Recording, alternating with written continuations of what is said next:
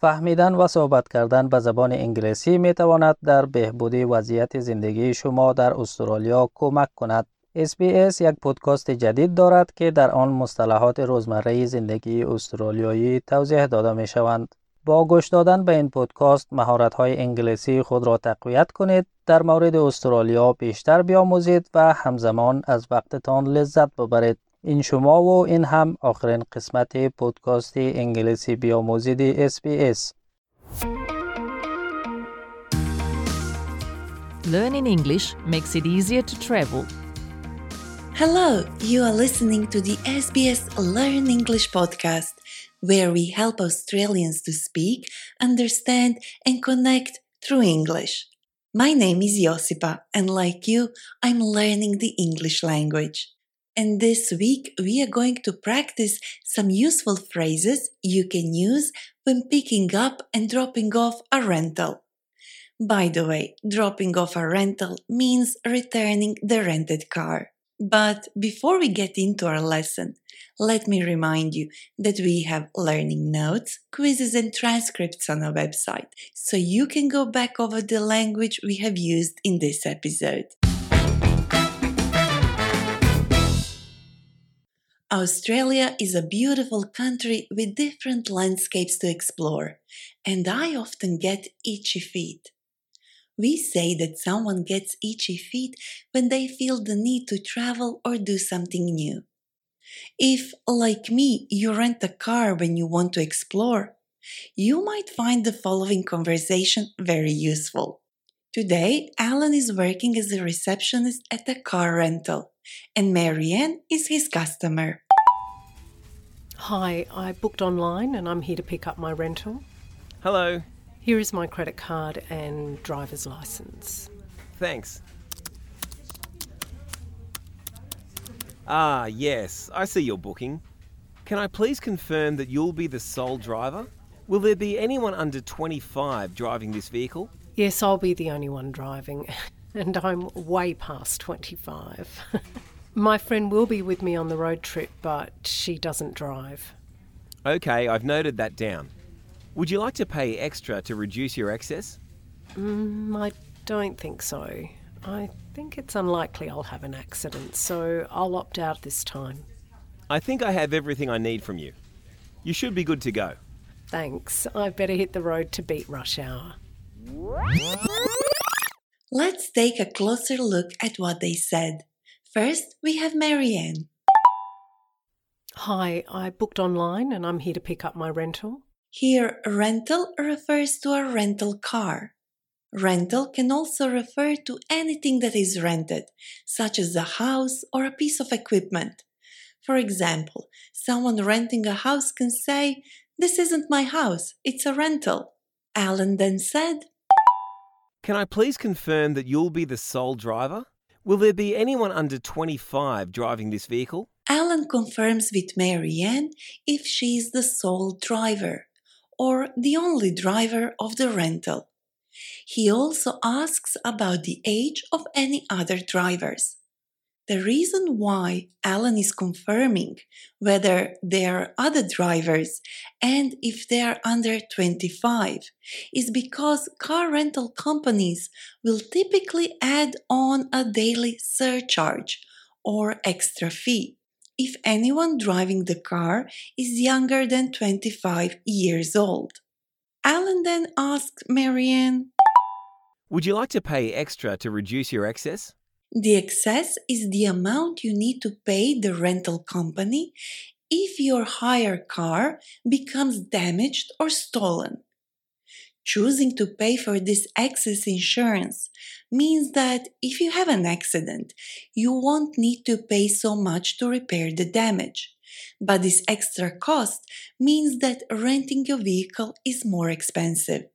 Marian then said, think it's unlikely I'll have an accident, so I'll opt out this time. To opt out means to choose not to participate in something, while to opt in means the opposite. You can say that you are opting out of something or opting into something that someone is inviting you to do. Alan then said, I think I have everything I need from you. You should be good to go. Being good to go means that a person or even a thing is ready, usually ready to go. For example, my bags are packed, I'm good to go. Or, I've looked over this report at least five times, this should be good to go. At the end, we heard Marianne. Thanks, I better hit the road to beat rush hour. To hit the road means to start a journey. For example, it's getting late, I must hit the road. Rush hour is short for rush hour traffic.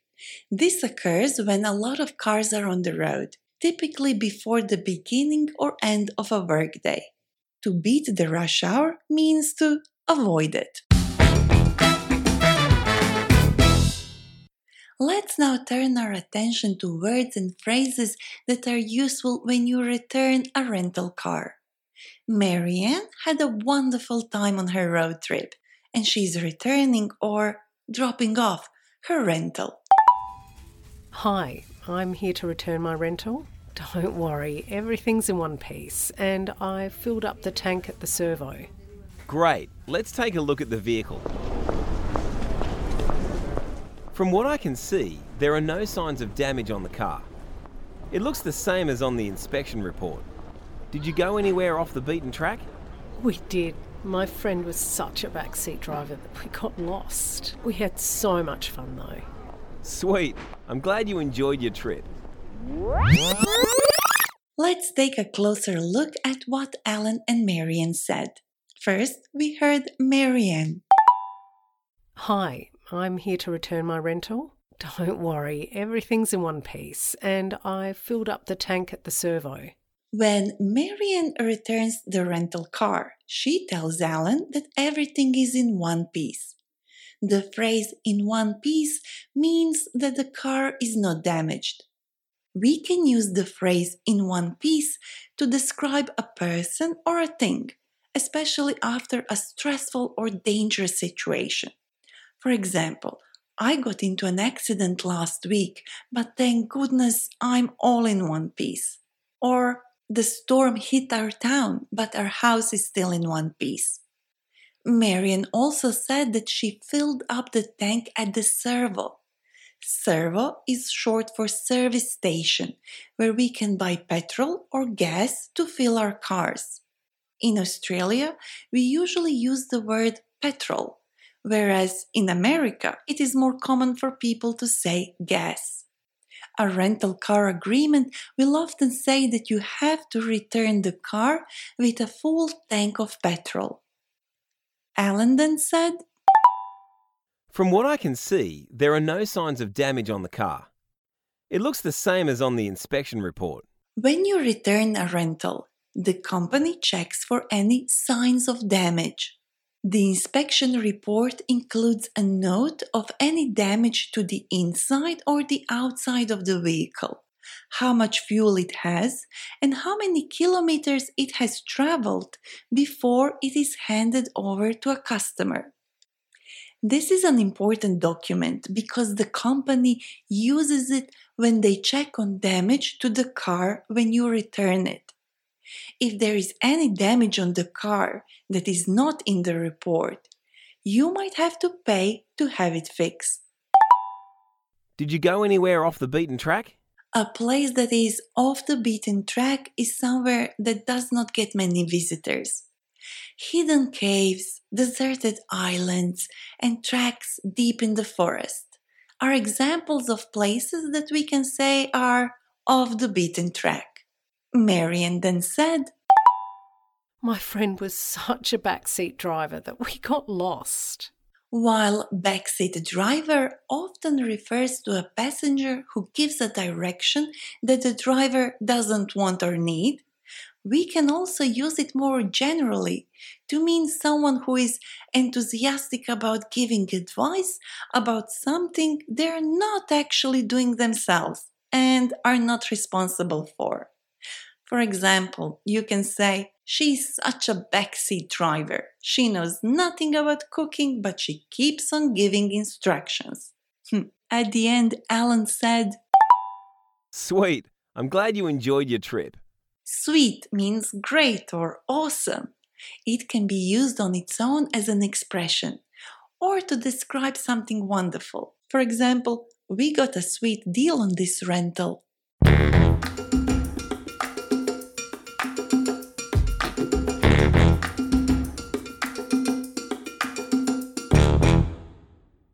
My guest today is my friend Chris. Chris, why do you love road trips so much? What's there not to love? Blue sky, nice music, you live in the moment, always curious and open for new opportunities, exploring new communities. Yeah, I love road trips. As you know, I don't have much experience on Australian roads. Can you tell me what should I be careful about if I'm traveling from one state to another? Well, the first thing to know is that each state and territory has their own set of road rules, and some are quite unusual. So, the first thing to find out is what rules apply to the places you are visiting. You mentioned unusual rules. Can you give some examples? For example, in New South Wales, you could get a fine if you splash mud on people waiting at bus queues. If you splash water on them, then you're okay. But if there's mud in it, you could, in theory, get fined. Any other rule that no one knows about? Well, in Western Australia, a driver or passenger is not allowed to open or drink alcohol while inside a car, even if it's parked, if it's on a public street. The fine can range anywhere between 200 to $2,000. Oh, wow, that hurts. That's even more than the cost of petrol at the servo nowadays. What about Victoria? Melbourne has a particular rule called hook turns. The purpose of this kind of turn is to keep the centre of the road free for trams so they can move more easily.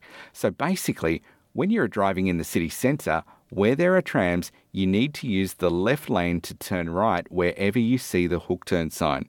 Honestly, it sounds more complicated than it is. Well, that's good to know for my trip to Melbourne next month. What about you, Chris? Any plans for a road trip soon? Definitely. We're hitting the road as soon as the school holidays start. We'll probably head off to Tasmania, perhaps somewhere off the beaten track. Sweet. I can't wait for all your stories then. Thank you, Chris. And now it's time for us to revisit some expressions we used in this episode. See if you can answer my questions before Chris. Backseat driver is.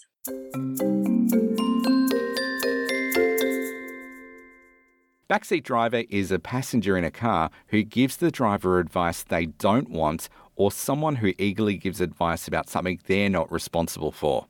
What is excess?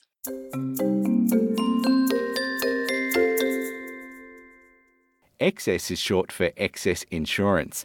Excess insurance covers the amount you need to pay if the rental car is damaged or stolen. To hit the road means.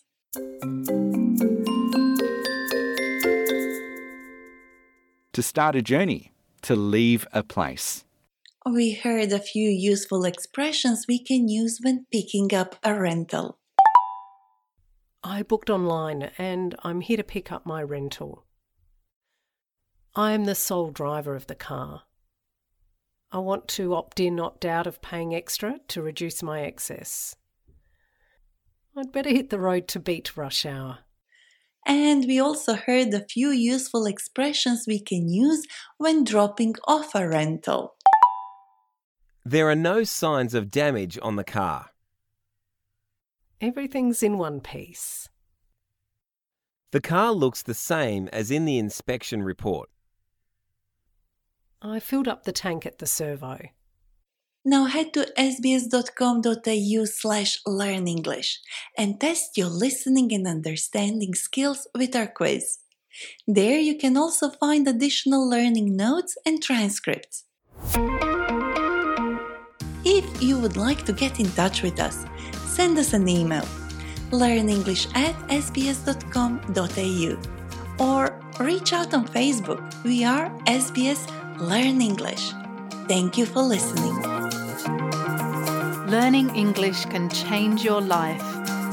Subscribe so you don't miss an episode and visit our website for learning notes and transcripts.